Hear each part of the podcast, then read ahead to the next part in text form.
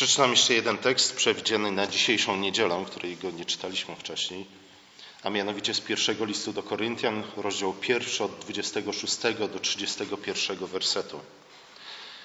Przypatrzcie się zatem, bracia, kim jesteście według powołania waszego, że niewielu jest między wami mądrych według ciała, niewielu możnych, niewielu wysokiego rodu, ale to, co u świata głupiego, wybrał Bóg, aby zawstydzić mądrych. I to, co u świata słabego, wybrał Bóg, aby zawstydzić to, co mocne. I to, co jest niskiego rodu u świata i co wzgardzone, wybrał Bóg. W ogóle to, co jest niczym, aby to, co jest czymś, unicestwić. Aby żaden człowiek nie chełpił się przed obliczem Boga. Ale wy dzięki Niemu jesteście w Jezusie Chrystusie, który stał się dla was mądrością od Boga i sprawiedliwością i poświęceniem i odkupieniem, aby, jak napisano, kto się chlubi, w Panu się chlubił. Oto Słowo Boże. Pan Bóg stworzył człowieka na swój obraz i podobieństwo i z tego wynika bardzo wiele rzeczy. Psalmista w psalmie ósmym wyciąga z tego następujący wniosek. Bóg stworzył człowieka niewiele mniejszym od siebie i uwieńczył go chwałą i dostojeństwem. Innymi słowy, Bóg stworzył człowieka na swój obraz, a to znaczy, że jesteśmy cenni w Jego oczach i że jesteśmy powołani do wielkości, do tego, abyśmy wszyscy razem i każdy z osobna stał się wielkim. Mamy wzrastać na podobieństwo Stwórcy, czyli, jak napisał apostoł Paweł, do miary wielkości według pełni Chrystusa. Obraz Boży w każdym z nas możemy rozumieć jako pewien potencjał. Potencjał, dzięki któremu, któremu możemy stać się naprawdę wielcy. Zaś wzrastanie na podobieństwo Boże to realizacja tego potencjału.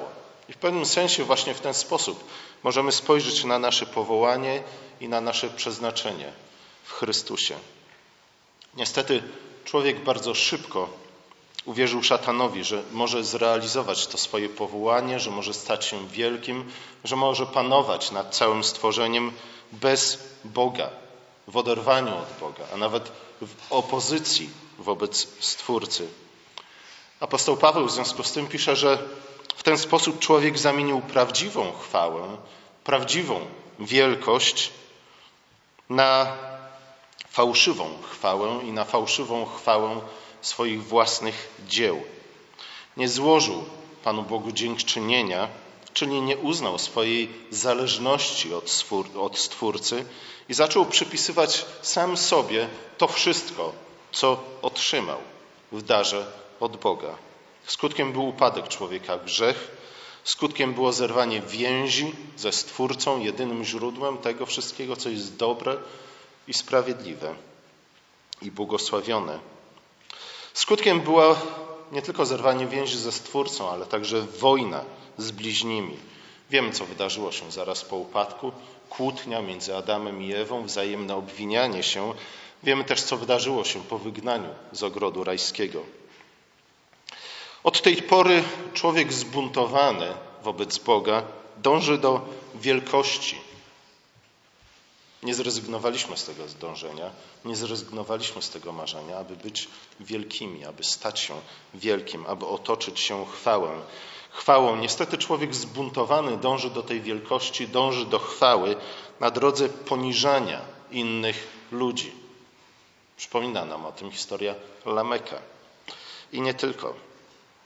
Dążymy do tego na drodze również przesadnego i w gruncie rzeczy bezrozumnego wywyższania samego siebie. Przypisujemy sobie cechy i zasługi, których nie mamy, a jednocześnie pozbawiamy ich innych ludzi, po to, aby w porównaniu z nimi wypaść lepiej od nich. To jest nasz cel i w tym postrzegamy źródło naszej chwały i wielkości. Nigdy jednak nie osiągamy satysfakcji na tej drodze, ze względu na to, że gdy odrzuciliśmy więź z Panem Bogiem, pozbawiliśmy się tej jednej, jedynej miary, dzięki której moglibyśmy e, dokonać właściwej samooceny. Jednej, jedynej miary, która jest tak naprawdę prawdziwą miarą sukcesu i wielkości człowieka.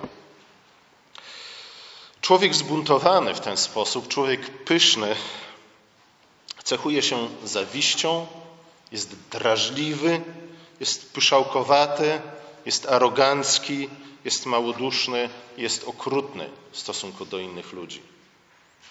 Nie zawsze w pełni przejawia te właśnie cechy, czy też cechuje się taką postawą, ale w ten czy w inny sposób widać właśnie te cechy i tą postawę we wszystkim, co czyni. Dokładnie z takim problemem apostoł Paweł miał do czynienia w kościele w Koryncie. No i to jest pierwsza dobra, a może zła wiadomość, że niestety my jako chrześcijanie nie jesteśmy wolni od pychy, która cechowała pierwszego człowieka, a jak niektórzy mówią, także była powodem wszelkiego zła na świecie, ponieważ to właśnie ze względu na pychę szatan sprzeciwił się Bogu i postanowił uwieść rodzaj ludzki. Paweł dlatego rozpoczyna pierwszy list do Koryntian od apelu o jedność i pisze: A przeto umiłowani, upominam Was, bracia, w imię Pana naszego Jezusa Chrystusa, abyście byli zgodni i aby nie było wśród Was rozłamów, byście byli jednego ducha i jednej myśli. I później wyjaśnia pokrótce, skąd biorą się te rozłamy, skąd bierze się ta niezgoda. I mówi o tym, że Koryntianie podzielili się na frakcje, na przykład, według tego, kto miał ulubionego apostoła albo kaznodzieją. Jeden nazywał się Piotrowym, inny Pawłowym, jeszcze inny Apollosowym, a ci najlepsi nazywali się Chrystusowymi. No i ciekawe jest to, iż Paweł mówi, że nawet ci, którzy nazywają się Chrystusowymi w tym sporze, w gruncie rzeczy oni grzeszą największą pychą. Koryntianie podzielili się również według e, tego, jakie było, ich, jakie było ich pochodzenie. Podzielili się według statusu społecznego. Podzielili się według tego, kto jakie miał bogactwa, kto jakie miał wpływy, kto jaką miał władzę. A ci najbardziej pobożni, pobożni oczywiście w cudzysłowie, chwalili się tym, kto otrzymał największe dary ducha, też kto dał najwięcej pieniędzy na ubogich, tudzież na Kościół. Paweł to wszystko piętnuje i mówi: Słuchajcie, to nie ma wiele wspólnego z prawdziwym chrześcijaństwem, to nie ma wiele wspólnego z Chrystusem, a przede wszystkim to stoi w jawnej sprzeczności z krzyżem Chrystusa. Paweł nie poprzestaje zatem na napiętnowaniu tego wszystkiego, pychy, przechwałek, bufonady, ale także wskazuje na krzyż Chrystusa, który stanowi właśnie dokładną i doskonałą antytezę do pysznego obnoszenia się z ludzką mądrością, z ludzką elokwencją, ze swoim bogactwem, ze swoimi wpływami, a nawet z własnymi cnotami i darami ducha. Boski Zbawiciel, powiedział jeden teolog, do tego stopnia upokorzył samego siebie, że stał się hańbą ziemi. Uczynił to zaś dlatego, aby poniżyć naszą wyniosłość i zagoić rany naszej pychy. Również w ten sposób możemy patrzeć na krzyż.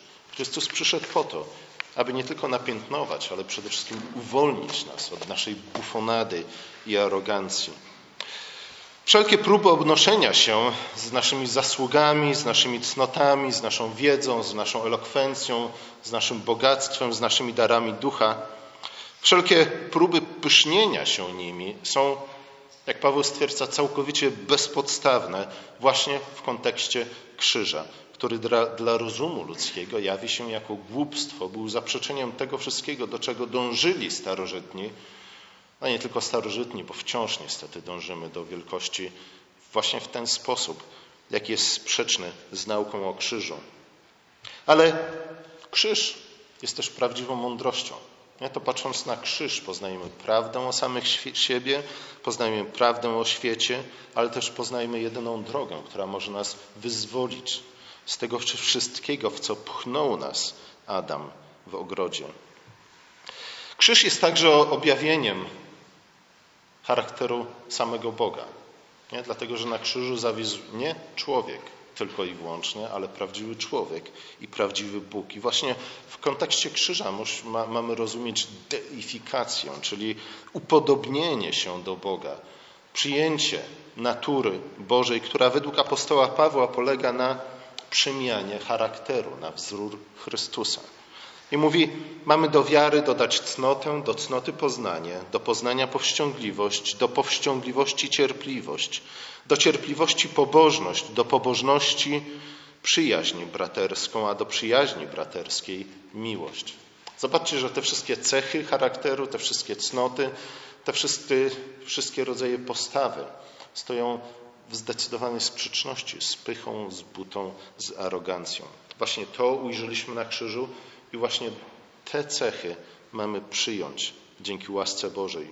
Bez nich wszelki nasz trud, wszelkie nasze dążenie do chwały, do wielkości, do sukcesu okażą się daremne i bezowocne. A zatem to krzyż właśnie musi zredefiniować nasze pojmowanie mądrości, nasze pojmowanie mocy, bogactwa, chwały itd. Tak Apostoł dodaje przy tym, że właśnie z tego powodu, iż zbawienie jest darem łaski, nikt nie powinien się pysznić. No już sam ten fakt, że krzyż udziela nam zbawienia z łaski jest powodem do tego, abyśmy porzucili wszelką pychę i wszelkie obnoszenie się z własnymi zasługami. Skoro Chrystus odkupił nas z niewoli grzechu, to znaczy, że odkupił nas również z naszej głupoty, z naszej hańby, a uczynił to poprzez haniebną śmierć na krzyżu, to znaczy, że nie mamy podstaw do tego, aby chlubić się samym sobą. Ze względu na to, że między innymi bez krzyża wciąż bylibyśmy pozbawieni wszelkiej nadziei, nie tylko na życie wieczne, ale także wszelkiej nadziei na prawdziwą chwałę, na prawdziwy, prawdziwą wielkość. Pycha zatem i łaska nie mogą współistnieć obok siebie. A kiedy pojawiają się w życiu jednego człowieka, sprawiają, że staje się człowiekiem rozdartym. Człowiek pyszny, by podkreślić swoją niezależność, jest tym, który zawsze rozdziela łaski, ale nigdy nie jest tym, który przyjmuje łaskę. Ze względu na to, że on nic nie potrzebuje, to inni potrzebują jego. Taki człowiek nie jest gotów, by przyjąć dobre dary Boże. Człowiek pyszny również nie potrafi prosić, albo przynajmniej nie chce prosić, gdyż uznaje to za uwłaczające jego własnej godności. Nie, ale czyż na tym nie polega między innymi życie chrześcijańskie, iż mamy prosić nie tylko Pana Boga, przed Nim mamy, do Niego mamy zanosić wszystkie nasze prośby, ale także mamy prosić siebie nawzajem o przysługi, o pomoc. Człowiek pyszny nie umie też dziękować, ponieważ nie widzi żadnego powodu do wdzięczności, ponieważ wszystko zawdzięcza sam sobie.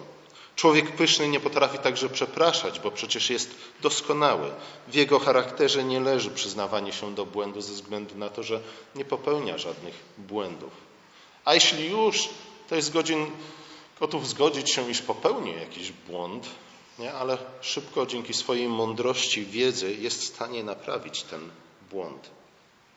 Jeśli chlubimy się sami sobą, jeśli chlubimy się swoją elokwencją, swoim bogactwem, swoim urodzeniem, swoimi wpływami, swoimi darami ducha, to skutkiem zawsze są podziały i zniszczenie wspólnoty. Generalnie rzecz biorąc, właśnie o tym traktuje pierwszy list do Koryntian. Jeśli zaś chlubimy się Panem, do czego zachęca nas apostoł Paweł, jeśli chlubimy się krzyżem Chrystusowym, i tym, co Chrystus na tym krzyżu uczynił dla naszego zbawienia, to owocem jest pokora i mocne więzi między braćmi. Mówi o tym Jezus w Ewangelii Jana w rozdziale 17. Tam w modlitwie do Ojca stwierdza, iż udzielił swoim uczniom, apostołom chwały, którą otrzymał od Ojca. Przekazał im, aby stanowili jedno, tak jak On i Ojciec stanowi jedno. A zatem chlubienie się w Chrystusie, chlubienie się w Bogu, chlubienie się w krzyżu jest tym, co może nas spoić. Nie? Chwała w sobie, przechwałki samym sobą jest tym, co dzieli nas. Oddziela nas od Boga i oddziela nas od ludzi. Apostoł Paweł oczywiście nie twierdzi, że wszelka chluba jest zła. Nie twierdzi, że nie powinniśmy dążyć do tego, co chwalebne, że nie powinniśmy dążyć do wielkości. Ale zachęca nas właśnie do tego, abyśmy chwalili się, chlubili się Chrystusem i abyśmy, nawet jeśli osiągniemy coś wielkiego, a na tym powinno nam zależeć, wiedzieli, co jest źródłem tej wielkości i dzięki czemu byliśmy w stanie osiągnąć coś wielkiego. Nie twierdzi apostoł Paweł, że sam nigdy nic dobrego nie zrobił. Choć, bo, choć bowiem dalej w swoim liście pisze, że jest najmniejszym z apostołów, to dodaje zaraz, że pracował daleko więcej niż oni wszyscy. Nie, to brzmi na pierwszy rzut oka jako przechwałka, przed którą y, przestrzegał adresatów listu do Koryntian, ale niekoniecznie, dlatego że zaraz później dodaje, iż uczynił to wszystko dzięki łasce Bożej. A zatem to krzyż daje nam właściwą perspektywę na dążenie do chwały, na dążenie do wielkości i wskazuje nam właściwą drogę na dążenie do chwały i dążenie do wielkości. Pozwala docenić to, co dobre w nas. Pozwala nawet nam samym docenić to, co dobre w nas, bez popadania w niepotrzebną czy też zgubną pychę. Pychę, która jest umiłowaniem i dążeniem do własnej wyższości. Nie? Tu znów wydaje się, że popadamy w sprzeczność, ale niekoniecznie. Pycha to niewłaściwe, nierozumne, przesadne, złe dążenie do własnej wyższości, czy też do własnej wielkości. Człowiek pyszny bowiem sądzi, że jest w nim dobro, które sam sprawił. Nie w ten sposób apostoł Paweł pisze o wielkości. Nie w ten sposób chlubi się własnymi dokonaniami. Człowiek pyszny wierzy, że dobra, które posiada, otrzymał ze względu na własne zasługi. Człowiek pyszny chełpi się posiadaniem tego, czego nie ma. Człowiek pyszny gardzi bliźnim, bo by pokazać, że tylko on ma coś wartościowego. Znamy to z podwórka, ale niestety wielu ludzi dorosłych nigdy, nigdy nie wyrosło z tego typu przechwałek. A przecież, jak przypomina nam inny teolog, nie ma na świecie nic tak próżnego i nic tak śmiesznego, jak chcieć być ocenionym za, jak chcieć być cenionym za dary, które otrzymaliśmy dzięki szczodrobliwej łaskawości naszego Stwórcy. Nie? Możemy się nimi cieszyć, możemy się nawet nimi chlubić, ale musimy zawsze pamiętać, że otrzymaliśmy je w darze. W jednym z listów do siedmiu kościołów, które znajdujemy w Księdze Apokalipsy, a mianowicie w liście do Laodycei, Chrystus mówi o dokładnie tym problemie. Tam zwracając się do kościoła w Laodycei mówi, pisze, mówisz, jestem bogaty i wzbogaciłem się i niczym, niczego mi nie potrzeba. A nie wiesz, że jesteś nieszczęsny i pożałowania godny i biedny i ślepy i nagi. Pokora z kolei wychwala Boga i chlubi się krzyżem Chrystusowym, bo to Jego łaskawość czyni człowieka prawdziwie wielkim. To dzięki łaskawości Bożej, to dzięki zbawieniu, które otrzymaliśmy przez śmierć Chrystusa na krzyżu, możemy stać się prawdziwie wielcy. Możemy, innymi słowy, wzrastać na podobieństwo ukrzyżowanego. I w tym kryje się wielkość. To jest miara wielkości i to również jest droga do prawdziwej wielkości. Jeśli zatem miarą naszej wielkości uczynimy samych siebie, skutkiem tego będzie zarozumialstwo, będzie megalomania, będzie buta, będzie swarliwość, a w końcu załamanie, rezygnacja i depresja, bo nigdy nie osiągniemy tego, co chcemy osiągnąć, a jeśli będzie się nam wydawać, że osiągnęliśmy to tylko dlatego, że całkowicie oderwaliśmy się od rzeczywistości, czyli kompletnie pogrążyliśmy się w kłamstwie. Jeśli jednak miarą naszej wielkości jest Bóg, a zwłaszcza Bóg ukrzyżowany, to skutkiem jest pokora i wielkoduszność, dziękczynienie i uwielbienie, przez co nasza niedola nie jest już tak nieznośna, a dzięki odnowionej więzi z Bogiem i z naszymi bliźnimi możemy od czasu do czasu zasmakować nawet raju. Amen.